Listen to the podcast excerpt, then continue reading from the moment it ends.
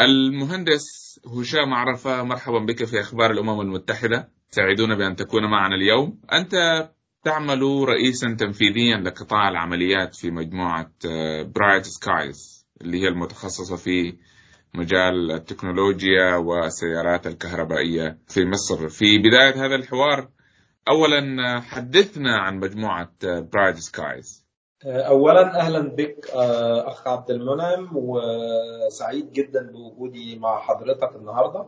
برايت سكايز شركة بتعمل في مجال ال technology انشئت سنة 2012 من 10 سنين بالظبط. النشاط الرئيسي بتاعها في أول خمس سنين من ال operation كان تقريبا أو من بدء العمل كان في مجال الحاسبات فائقة السرعة وفائقة الإمكانيات. كنا بنشتغل في المجال ده في بناء الحاسبات العملاقة وفي سوفت وير أو البرامج اللي بتنزل على هذه الحاسبات. تقريبا من سنة 2016 ابتدى الشركة تدخل في مجال خدمات الهندسية لصناعة السيارات بالذات في مجال البرمجيات. فالشركة بدأنا إن إحنا نقدم خدماتنا لمصنعي السيارات ومصنعي قطع غيار السيارات اللي بتستخدم داخل العربيات وبالذات في مجال البرمجيات ومجال الأنظمة. في سنة 2019 بدأ اهتمام الشركة إن إحنا نطور بعض المنتجات بالذات في مجال السيارات لخدمة المنطقة والمنافسة على المستوى العالمي كمان. فبدأنا ببحث والتطوير في مجال البطاريات للأتوبيسات الكهربائية. والحقيقة عملنا النسخة الأولى من بطارية الأتوبيس الكهربائي سنة 2020 أو آخر 2020 أول 2021 وورينا النسخة الأولى منها في معرض ترانسمية في القاهرة. النسخة الثانية هي اللي إحنا كنا عارضينها في كاب 27 في مؤتمر المناخ. ودي النسخة اللي إحنا منزلينها في أتوبيس تجربة إن شاء الله لمدة الكام شهر الجايين. واللي هتطور ويطلع منها النسخة النهائية اللي هي هتنزل عشان ننتج منها الإنتاج الكمي خلال العام القادم إن شاء الله. في نفس الوقت اللي ابتدينا فيه البحث والتطوير في مجال بطاريات الأتوبيسات بدأنا فيه البحث والتطوير كمان في مجال السيارات ذاتية القيادة. وعملنا أول نسخة من تكنولوجيا بتاعتنا في السيارات ذاتية القيادة وعرضناها سنة 2020 في برج العرب في مصر وكان عربية ليها بعض الإمكانيات المحدودة بس بتقدر تمشي بعض السيناريوهات ذاتية القيادة. وطورنا أكتر التكنولوجيا بتاعتنا في السيارات ذاتية القيادة بالتعاون مع جامعة الملك عبد الله بالمملكة العربية السعودية ومع إنتل شركة إنتل العالمية وعملنا إطلاق لعربية تانية بتمشي في مدينة الملك عبد الله في شهر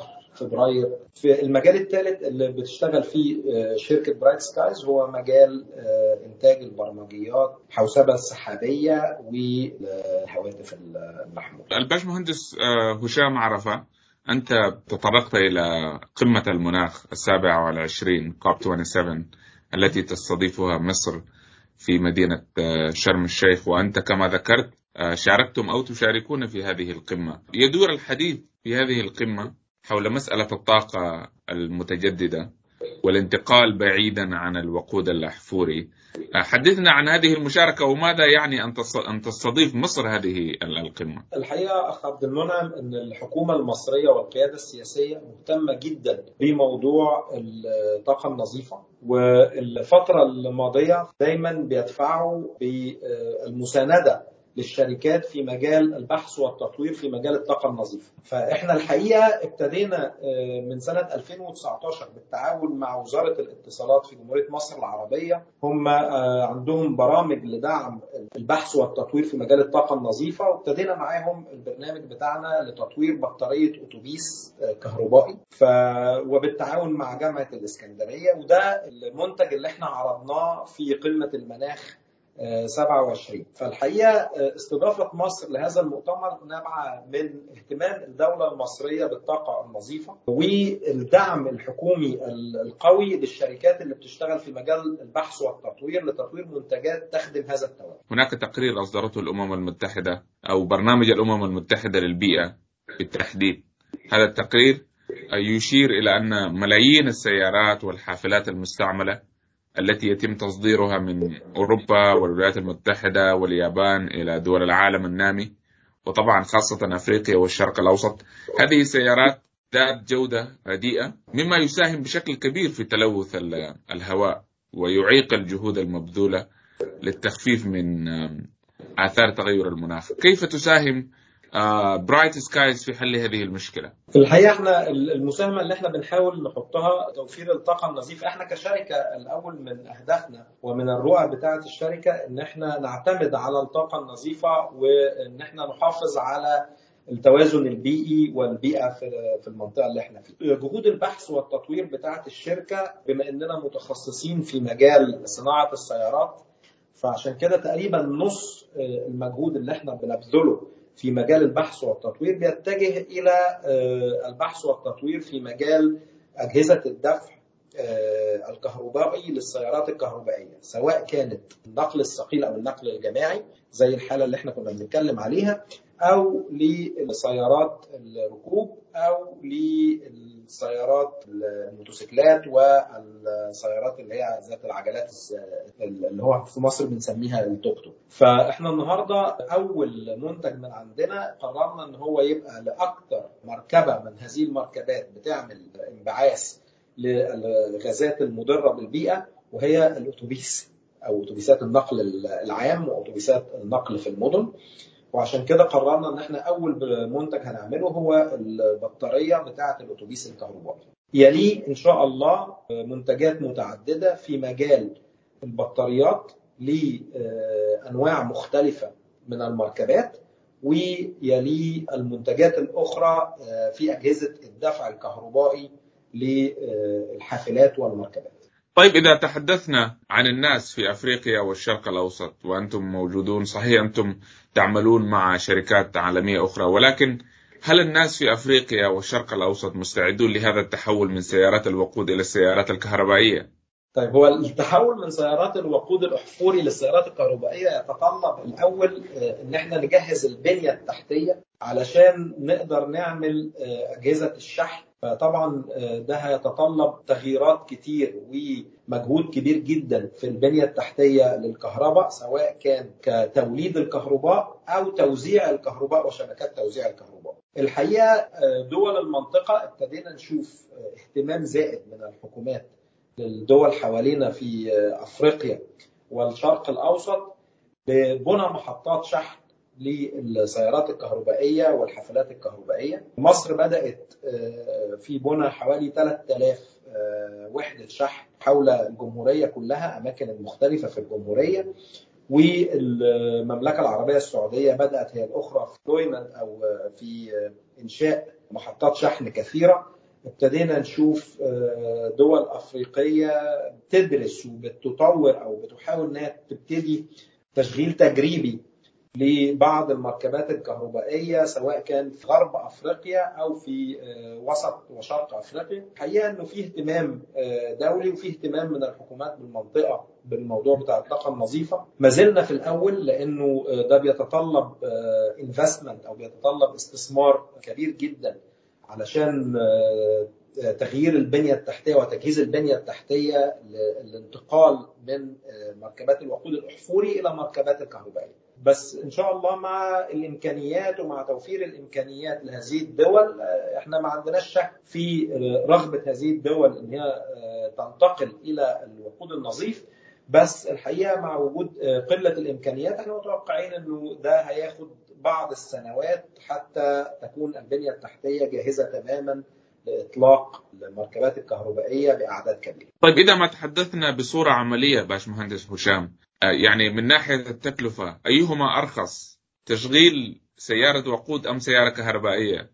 ده سؤال هايل هو السيارة الكهربائية ثمنها المبدئي أغلى من سيارات الوقود الأحفوري وده نتيجة غلو سعر البطاريات بتاعة هذه السيارات. أنا مطلوب مني إن أنا أحط فلوس زيادة في الأول علشان أشتري عربية كهرباء عن لو اشتريت عربية ذات احتراق داخلي أو موتور احتراق داخلي. الانفستمنت أو الاستثمار اللي هحطه في الأول ده بيرجع لي بعد كده لأنه تكلفة صيانة وتشغيل هذه المركبات أرخص بكثير من تكلفة صيانة وتشغيل المركبات ذات الاحتراق الداخلي. يعني نقدر نقول إنه تقريبا السعر بتاع التشغيل وسعر أو تكلفة التشغيل والصيانة للمركبات الكهربائية يقل عن الربع بالمقارنة بمركبات الاحتراق الداخلي وبالتالي السيارات اللي بتمشي لمسافات طويلة يوميا هقدر أرجع الاستثمار اللي أنا حطيته في ثمن السيارة أو فرق الاستثمار في ثمن السيارة في فترة قصيرة. السيارات اللي بتستهلك أو تستخدم لمسافات قليلة هياخد شوية وقت أكتر عشان أعرف أرجع الاستثمار اللي أنا حطيته في السياره الكهرباء. فإحنا بنقول دايما إنه لو بصيت على ما نسميه total cost of ownership أو تكلفة الكلية للسيارة الكهربائية على مدار من أربع لخمس سنين هنلاقي إنها أوفر من سيارة الاحتراق الداخلي مع العلم انه سعرها الأساسي أغلى من سعر عربية الاحتراق الداخلي ده ناتج نتيجة التشغيل والصيانة أرخص بكثير. في نفس السياق الكثير من الناس وبالذات في العالم النامي أفريقيا والشرق الأوسط ربما ينظرون إلى السيارات الكهربائية على أنها يعني نوع من الرفاهية بعيدة عن المتناول لأنه أنت كما ذكرت سعرها أعلى من السيارات التقليدية. هل تتفق مع هذا الرأي؟ والله أنا لا أتفق مع هذا الرأي لأني في خلال خمس سنين أو أربع سنين أنا ممكن أسترد كل اللي دفعته في ثمن السيارة وزيادة من التوفير في ثمن التشغيل والصيانة. وبالتالي مع وجود برامج حكومية لتمويل السيارات الكهربائية المفروض إنه هذه البرامج التمويلية تخليني ما احسش بالفرق لأني اللي هدفعه في الشهر كقسط للسيارة زائد مصاريف التشغيل المفروض يبقى بالمقارنة بسيارات الاحتراق الداخلي تقريبا نفس المبلغ اللي بحطه أو أقل. فلو بصيت لها على إنها قسط شهري زائد مصاريف تشغيل المفروض يكون أقل بكثير من سيارة الاحتراق الداخلي. ولذلك الحكومات المفروض تركز على البرامج التمويلية للسيارات الكهربائية علشان المواطن ما يحسش بالفرق ده. ذكرت أن يعني أنه لديكم شراكات مع الشركات الكبرى العاملة في مجال السيارات الكهربائية طبعا للاستفادة من تجربتها في هذا المجال، حدثنا عن هذا الجانب. وإحنا الحقيقة بقالنا سنين كتير شغالين مع مصنعي السيارات ومع مصنعي قطع غيار السيارات في أوروبا وأمريكا. أنا مش هقدر أتكلم قوي عن المشاريع اللي بنعملها معاهم لأنها تعتبر من الأسرار بتاعة البحث والتطوير لدى هذه الشركات. فأنا لست مخول إن أنا أتكلم على تفاصيل هذه المشاريع ولكن إحنا تقريبا 50% من الشغل اللي بنعمله مع هذه الشركات رايح ناحية أنظمة الدفع الكهربائي للسيارات الكهربائية ومتجه ناحية تطوير الأنظمة والبرمجيات لهذه السيارات. نعود لمسألة القيادة الذاتية، منطقة مثل القاهرة مثلا، منطقة مكتظة فيها الملايين من الناس، هل هل تعتقد أنه هذا الأمر ممكن؟ والله هو إحنا في في الحتة بالذات بتاعة السيارات ذاتية القيادة التكنولوجيا بتاعتنا بتعتمد على أنظمة التعلم الذاتي للماكينات. فإحنا بنعتمد إنه الذكاء الاصطناعي ماشين ليرنينج مع المسافات الطويلة ومع التجربة لمدة طويلة بيتحسن أداء البرمجيات بتاعتنا وبالتالي مع تحسن هذا الأداء المفروض تقرب أو تبقى أحسن. في وقت من الأوقات عن السواقة من البشر نفسهم النهارده إحنا لما بنبتدي بنبتدي ببعض السيناريوهات البسيطة. بنبتدي بالعربية ماشية وجواها سائق علشان الأمن بتاع الناس يقدر ياخد المقود ويسوق هو لو حصل أي مشكلة. في أنظمة القيادة الذاتية. وإن شاء الله بعد فترة المفروض أنه هذه الأنظمة بتتعلم من السيناريوهات اللي شافتها في الشارع وأدائها بيتطور ويتحسن مع الوقت. فبعد بعض الوقت المفروض إن هي تقدر تعمل كل السيناريوهات الموجودة. ولذلك في منطقة زي القاهرة مش هنقدر نحط هذه الأنظمة غير لو كانت الأنظمة متعلمة. القيادة في نفس المنطقة دي بنفس طريقة القيادة بتاعه الناس اللي حوالين هذه السيارة. لأن السيارة مش ماشية لوحدها في الشارع هي بتمشي مع سيارات أخرى.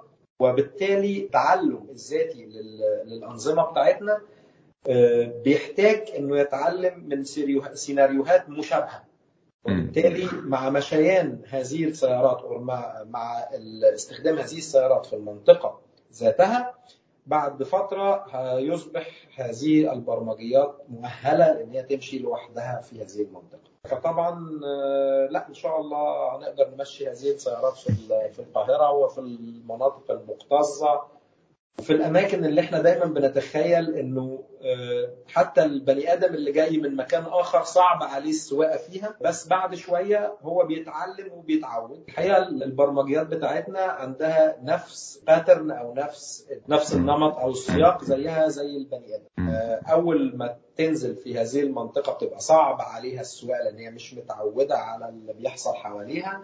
وبعدين مع الاستمرار الأنظمة بتتعود وبتتعلم وبتتطور وتقدر بعد كده تبتدي تمشي لوحدها. أخيرا نعود إلى مشاركتكم في مؤتمر المناخ، أنتم شاركتم في هذا المؤتمر وقدمتم يعني عرضتم المنتجات التي تنتجها الشركة. مدى الإقبال من الجمهور ومن المشاركين، كيف كان ردة الفعل من الناس؟ الحقيقة اهتمام عالي جدا من الحكومة ومن جمهور من القطاع الحكومي في المنطقة كان فيه اهتمام من الشركات اللي بتشتغل في مجال السيارات في المنطقة وكان في اهتمام كبير من المستثمرين برضو في المنطقة علشان يشوفوا اللي إحنا عاملينه.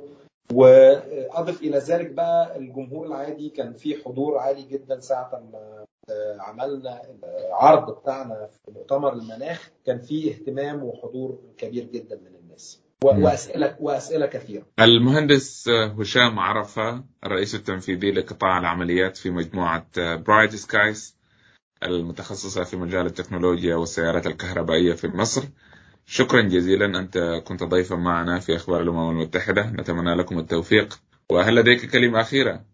الحقيقة أنا أود أني أشكر حضرتك وأشكر الأمم المتحدة على هذا اللقاء وعلى هذا الاهتمام واحب أقول إن إحنا كشركة مهتمين جدا بإن إحنا نطور الأنظمة بتاعتنا أكتر وأكتر لخدمة المجتمع ولخدمة التوجهات بتاعه البلد وبتاعه العالم في اتجاه الطاقة النظيفة وفي اتجاه الحفاظ على البيئه